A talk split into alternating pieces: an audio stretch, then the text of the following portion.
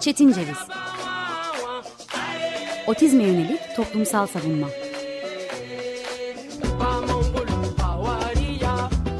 Hazırlayan ve sunan Deniz Yazgan.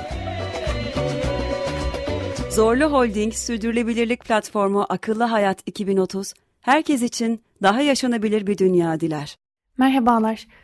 95.0 Açık Radyo'ya uzaklardan bağlandığımız 5. mevsimdeyiz. Gürhan Bey ile sohbet edip kül kedisi Maya'yı başından okşayıp vedalaştım. Kumbaracıyı son kez tırmandığım 12 Mart 2020'den bu yana programları buruk bir özlemle sürdürüyoruz. Ben sesi hala biraz kısık Deniz Yazgan. 10 Mart 2021 Çarşamba günü için hazırladığım Çetin Ceviz dinliyorsunuz. Kargasını, tulumbasını, gazını, tazyini sırtımıza aldığımız 8 Mart korteji ile birlikte İstanbul Sözleşmesi'nin nöroçeşitli kadını da koruduğunu, sokakları nöroçeşitli kadının istismar süjesi kılındığı düzenden arındıracağını, nöroçeşitliğe yapışmış bu siyasi kırılganlıktan kurtarıp özgürce yaşatacağını belirterek korumayan, arınılmayan, kurtarılamayan ve yaşatmayan düzenin anahtar kelimelerinden biriyle devam edelim bu hafta. Aşağılamak. İnsan neden aşağılar? LGBTİ artıyı, nöroçeşitliği, duvara yaslanınca kurşun kalemin deyip boyumuzun ölçüldüğü yeri, tartıya çıkınca beliren sayıyı, akla gelen ama dile geldiğinde kırgınlık yaşatacağı kesin alan, korkulan binlerce özelliği neden aşağılar insan? İnsan insanı neden ikiye ayırır? Kadın erkek diye, sağlam hasta diye, uzun kısa diye, şişman sıska diye. İkilikten ne fayda görülmüştür de bir üçüncüsünü, dördüncüsünü, limit artı sonsuzu reddede geliriz. Evi, sokağı, mahalleyi, şehri, ülkeyi, dünyayı siz, sağlam ve merkez dine mensup erkeğin kılmamızın nedeni nedir?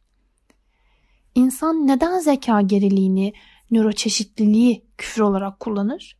Otistik gibi, spastik gibi, Down sendromlu gibi, geri zekalı gibi olmak neden hakarettir? Bu noktada suç hukukunu ilgilendiren bir değerlendirmeyi en azından şimdilik yapmayacağımızı da belirtmek gerekir. Zira nöroçeşitliliği gibi kadar edatlarıyla yan yana getirerek aşağılamakla birleştirmenin suç hukuku ve ifade özgürlüğü açısından ne anlama geldiği neden sorusunun değil de sonuç kısmının bir parçası sanki. Neden sorusuna da cevap ararken Büşra Çakıl'ın çevirisiyle Ralph Stoker'ın insan onuru ve rencide paradoksundan düzensiz atıflarla söz etmek gerekir. Bu programın asıl adı da bu makaledir. Okuyarak öğrendiğim isimleri yanlış telaffuz edeceğime sizi temin ederim. Bu yüzden affınıza sığınıyorum. Werner Mayhofer İnsan Onuru kitabında der ki İnsan onuru gibi bir şeyin olduğu ve onun ne anlama geldiği bizim için onun ciddi anlamda zarar gördüğü sıra dışı durumlardan başka hiçbir yerde daha açık ve net bir şekilde anlaşılır değildir der. Bu noktada otistik bireylerin dış dünyaya duydukları tırnak içinde ilgi eksikliğinden söz edenler mutlaka olacaktır. Otistik bireyin tipik olmayan tepkisini tepkisizlik olarak yorumlayanlar, o anlamaz, anlasa da umursamaz diyenler otistiği aşağı doğru çekmeye başlamıştır bile. Avashay Margalit ise aşağılayıcı söylem komut veya hareketin ardından sonuç aramaz. Direkt olarak atıfla öz saygının zedelenmiş olduğu duygusunu verecek haklı nedeni arar. Otistik bireyi özden, özgünlükten yoksun öngörmenin bir nedeni de otistiği aşağılamayı doğal görmekle ilintilidir. Otistiği işlevsiz ve yetersiz olarak kabul eden bakış açısı otistiği özü olan bir birey olarak da görmeyi ihmal eder. Bireyin özünü oluşturan şey dendiğinde tamamlanamamışlığı, kadersizliği aklına getiren kişi otistik bireye aktif bir rol biçmekte de güçlük çeker. Margaret de onur politikasında kişinin üstlendiği bireysel rolü ön plana koyar. Bu kapsamda insanın yüklendiği roller de kişinin özünü oluşturacaktır. Stoker, rollerin anlatımının ardından öz saygıya doğru bir yola koyulur. Öz saygıyı biraz da direniş olarak tanımlar. Sahip olunan şahsiyetin kişi açısından önemsiz olmaması der. Tam da bu noktada otistik bireyin öz saygısı olmadığı da kimilerince belirtilebilecektir. Otistik bireyin büyürken ihtiyaç duyduğu yaklaşıma, aygıtlara erişememesi, düzene, izana kavuşmayan eğitime ve toplumsal bilinçsizliğe değil de yine otistik bireyin ta kendisine fatura edilmiştir. Otistik bireyin anayasal haklarına, kimi zaman kaynak eksikliği, kimi zaman zaman eksikliği mazeretleriyle erişememesinin faili olarak yine otistik birey belirlenir. Halbuki öz saygıdan kasıt toplumun kemikleşmiş normlarına kayıtsız ve şartsız bir teslimiyet değildir. Öz kişiye özeldir. Stalker asıl olan davranışın daima başarılı bir öze olan talepten motive olmuş olması ve bunun öze zarar vermek yerine onu gerçekten desteklemesidir der. Bu noktada başarı nitelemesine katılmak pek mümkün değil. Başarı sanki insanın insanlığındaki tutarlılık haline daha yakın gibi. Başarı beklentisi zaten düşündürücü. İnsan kendisi olurken de bir puanlamaya, geçen programda söz ettiğimiz gibi bir skalaya tabi midir? Cicero buna evet cevabını verirdi. Stalker'ın da bu tanımı aşağılanmayı mağlup olmak, mağlup gözükmek ile eş tuttuğunu gösteriyor. Ve Stalker daha da yoğun biçimde devam ediyor. Diyor ki, şahsiyet kişinin aşağılandığında kaybettiği yüzüdür. Öz saygısı olan kişi kendi yüzünü korur.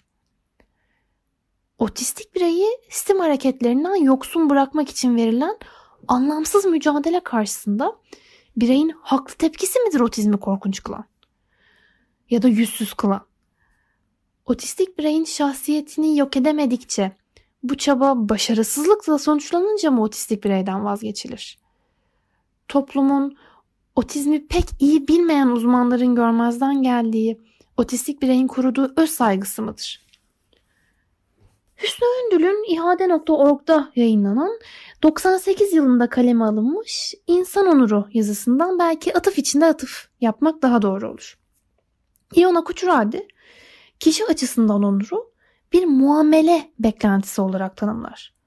Böylece onur denilen şey kişinin kendi imge imgesine uygun düşmesi sonucu kendine biçtiği değerdir diye değerlendirir. Duysal yüklemelerle, yüklenmelerle, yüksek veya alçak seslere, keskin veya baygın kokulara, parlak veya sönük renklere, sert veya yumuşak dokulara karşı kendini regüle etmekte olan ve nörotipik bireyin rahatsızlık duymadığı unsurları sürekli bertaraf etmeye çalışan otistik bireyi nörotipik birey için bile geride kalmış bir metodolojiyle yani aslına bakarsanız herhangi bir metot olmaksızın bir yerde tutmak, evde, sınıfta, sokakta, kamusal herhangi bir alanda tutmak, tutmak için otistik bireyin bedeni ve şahsiyetiyle savaşa girmekte, otistik bireyin onuruna, kendine layık gördüğü muamele beklentisine de ters olacaktır. Şimdi söyleyeceklerim tetikleyici unsurlar taşıyor olabilir. Bu unsurlardan etkilenebilecek dinleyicilerimizin belki de 20 saniyeliğine sesi kapamasını önermek en doğrusu.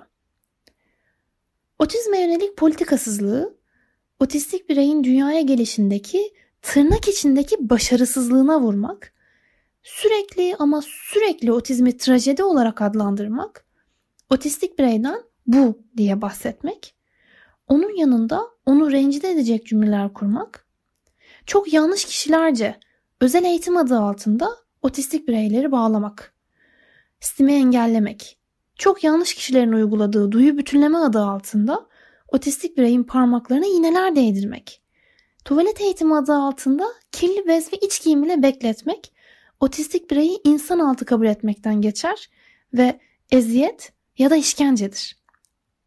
Margalit de bu tür onur kırıcı durumlarda bir insanı alt sınıf insan yapmanın karakteristik olduğunu vurgular.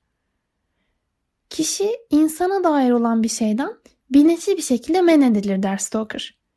Bir adım sonrası ise insan dışılaştırmadır. Herbert Kellman'ın insan dışılaştırma çalışmasına göre insanlığın iki unsuru vardır. Biraz önce söz ettiğimle benzer biçimde bağımsız ve ayrıksı olarak karar verme yetisi kapsamında kimlik ve birbirine özen göstermekle yükümlü topluluktan söz edilir. Bir kişinin kimliği ve bir topluluğa bağlılığı reddedildiğinde kişi şiddet odağı haline gelebilir. Otistik bireyin insan dışılaştırılması da özgü gereksinimlerinin görmezden gelinmesi, geride bırakılmış vahim yaklaşımlara gark edilmesi ve insan dışı varlıklarla bir tutulmasıyla başlar. İnsan onurundan yoksunluk doğal bir kabul haline gelir. Evet, otistik bireyin özel gereksinimleri olabilir.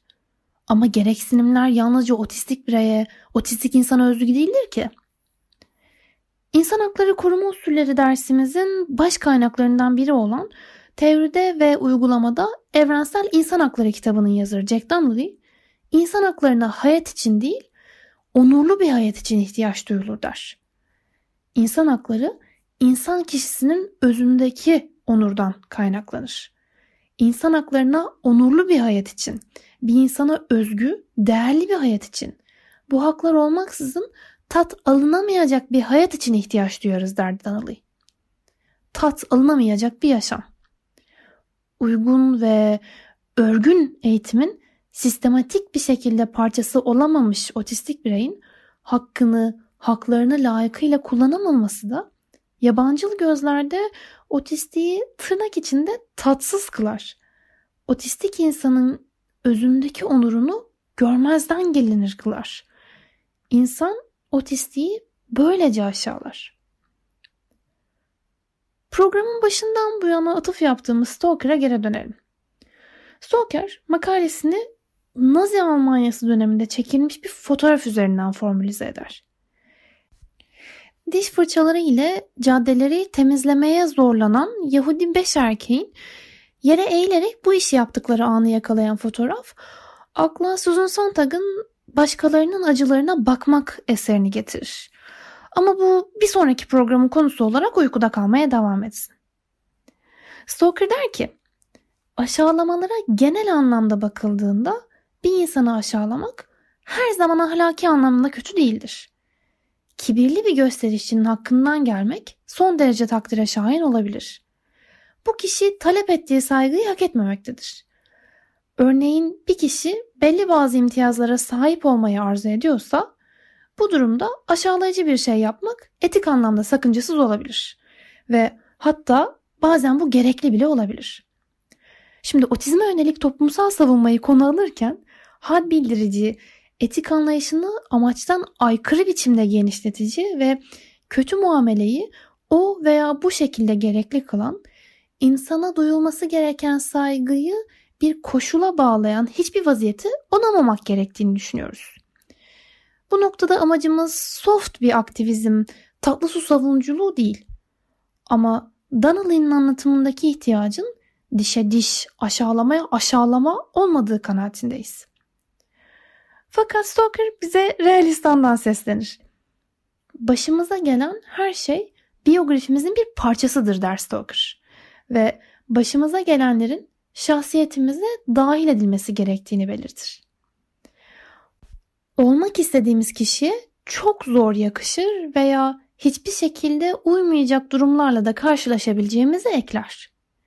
Kim bunlara boyun eğmek zorunda kalırsa kendisini o andan itibaren yeni ve aslında olmak istemediği bir kişi olarak görmeye ve bu şekilde davranmaya zorlanmıştır. Otizm yörüngesinde bu karşımıza maskeleme olarak çıkar. Kişinin kendini inkar edişi bir sarmal içinde sonsuzlaşır ve kişi kendisinden iğrenir. İğrenmeye zorlanır. İğrenmekten başka çaresinin kalmadığını düşünür. Toplum nörotipik gibi ol diye haykırırken aslında bunu öğütler. Aşağılama belki de Stoker'ın rencide paradoksunda olduğu gibi iki ayna arasında sonsuzlaşacaktır. Ve çözüm Stoker'ın makalesinde olduğu gibi birkaç satır arkadan gelmez. Otistik insan da otistik insanı kendini aşağılayabilir. Toplumsal sağlamcılık normları karşısında otizm, otistiği de karşısına alabilir. Genelde alır da. Zira sözcük ezberleterek konuşturmayı amaçlayan, diyaloğu otistiğe yakıştırmayan sistem zaten otistiği de sağlamcı yetiştirir. İnsancıl kişilerin bir anlamda tözüne dokunan bu hasar ne insan onuru ihlalleriyle direkt olarak diğer suçlarla indirgenebilir ne de hafife alınması düzeyde basittir. Bu daha çok bireysel varlıklardan oluşan sosyal bir topluluğun üyesi olarak insanın nüvesini ilgilendirir diye sonlandırır Stoker makalesinde. Otistiğin nüvesi, kovuğu, ini, çekirdeği neresidir? Loras'tan bu yana gelen yaklaşım biraz da bu ini yok etmeye yöneliktir. Otistiği toksik biçimde sağaltma çabası müdahale gibi, şartlanma gibi, e, cezalandırma gibi güce dayalı ve kişiliği ezici birçok uygulamayı da hemen yanı başımıza getirir. Teorinin anlattığını her gün acı biçimde pratiğe yansırken görüyoruz. Stoker bu yüzden realistanlıdır. Otizme yönelik toplumsal savunma ve okulsuz toplum savunucuları olarak çok küçük bir biz ise İdilya'da yaşıyoruz. Yine de pratiğin analize aktarımında kopukluklar olduğunu söylemek mümkün. Otistik çocukların ve yetişkinlerin zorbalığa uğrayışını inceleyen o kadar az ve geçerli çalışma var ki. Mesela Catherine Cappadocia, Jonathan Weiss ve Debra Pepler'ın analizi otistik çocukların nörotipik çocuklara göre çok daha büyük bir tehlike altında olduğunu öne sürüyor. Otistik çocukların mağdur olduğu zorbalık fiillerinden etkilenme şekillerine yönelik bir anlayış geliştirmeye amaçlayan bu çalışma ebeveyn raporlamaları ile kurbanlaştırılma ve mental sağlık sorunlarının arasındaki ilişkiyi ortaya çıkarmaya amaçlıyor diyebiliriz. Bu kapsamda kurbanlaştırma çocuğun yaşı, mental sağlık sorunlarının içselleştirilmesi veya dışsallaştırılması, iletişim farklılıkları, otistik çocuğun okulda kaç arkadaşı olduğu ve ebeveynin mental durumu ile ilintilendirilmiş durumda. Warrior, Helton ve Robinson'ın çalışmasından da söz etmek belki gerekebilir. Bu çalışma otistik davranışlar gösteren bireylerin akran zorbalığından etkilenme oranlarında düşüklük olduğu sonucuna varıyor. Otistik bireylerin akran etkileşimini tipik biçimde kavramadıklarını belirtiyor. Bu kapsamda araştırmanın tartışma kısmında otizmi tahayyül edişin tıbbi model izlerini taşıdığını söylemek mümkün. Bir başka ve çok önemli çalışmada Laura Hall, Menchuan Lai, Simon Baron Cohen'den gelmiş. Farklı cinsiyet ve cinsel yönelimlerden otistik ve otistik olmayan bireylerin davranışlarını maskelemelerine yönelik öz bildirimlerini konu edinen araştırmada ise 306 otistik, 472 otistik olmayan bireye otistik özellikleri kamufle etmeye yönelik anket uygulanmış. Otistik olan bireylerin davranışlarını kamufle etmelerine yönelik cinsiyet ve cinsel yönelim ayrıksılıkları keşfedilmiş. Otistik olmayan bireylerde ise böyle bir farklılık göze çarpmamış. Otistik kadınların maskeleme ve asimilasyon davranışlarını otistik erkeklerden daha fazla gösterdikleri anlaşılmış. Biraz önce söylediğimiz gibi otistik bireyin ve özellikle kadının özünü aşağılamaya zorlandığı bilimsel olarak da ortaya koyulmuş. Blogging Against Disabilism Day blogundan sert ve ironik bir tıpkı çeviriyle bu haftayı kapatalım. Tetikleyici unsurlar barındırabilir. Biri otizmi trajedi olarak tanımlar. Bir diğeri otistik birini öldürür. Bir başkası bu iki olayın nasıl ilintili olduğunu seçemez. Açıklamaya çalışayım. Biraz daha uğraşayım. Buradaki konumuz devalüasyon, değer kaybı. Otizm ve trajediyi eşleştirmek sıradanlaştığında bu eşleşme toplumsal bilinçte kök salmaya, derinleşmeye başlar. Yapboz parçası otizm için tanınmış sembol haline geldiğinde otistik kişinin tamamlanmamış olduğu mesajı vurgulandıkça vurgulanır. Otizm dendiğinde trajedi fonda yankılanır. Muamma fonda yankılanır.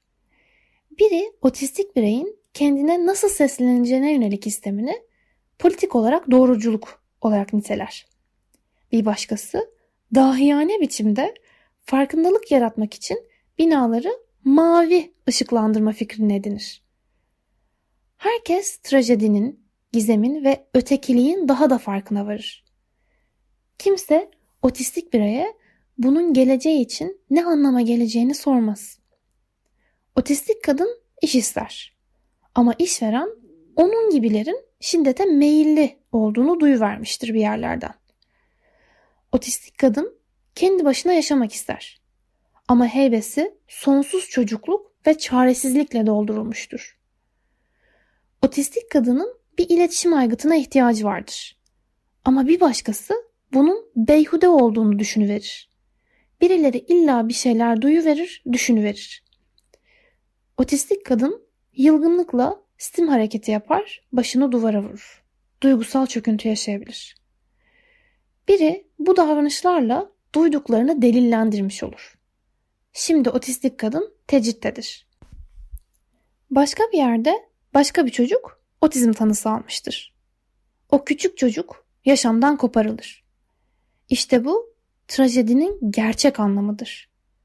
Sesler mağduru katledileni değil, katledeni anlamak için yükselir. Suçlu olan otizmdir. Sonra bir yapboz sticker'ı bir arabanın daha tamponuna yapıştırılır. Otizm yeniden bir enigma olarak ortaya çıkarılır. Bir başkası daha bu püsküren söylemin karanlığına çekilir. İki hafta sonra sizin son tagatfı ile otistiğin acılarına bakmayı, bir başkası olarak otistiğin acılarına bakmayı konuşmak üzere. Hoşçakalın. Çetin Ceviz Otizme yönelik toplumsal savunma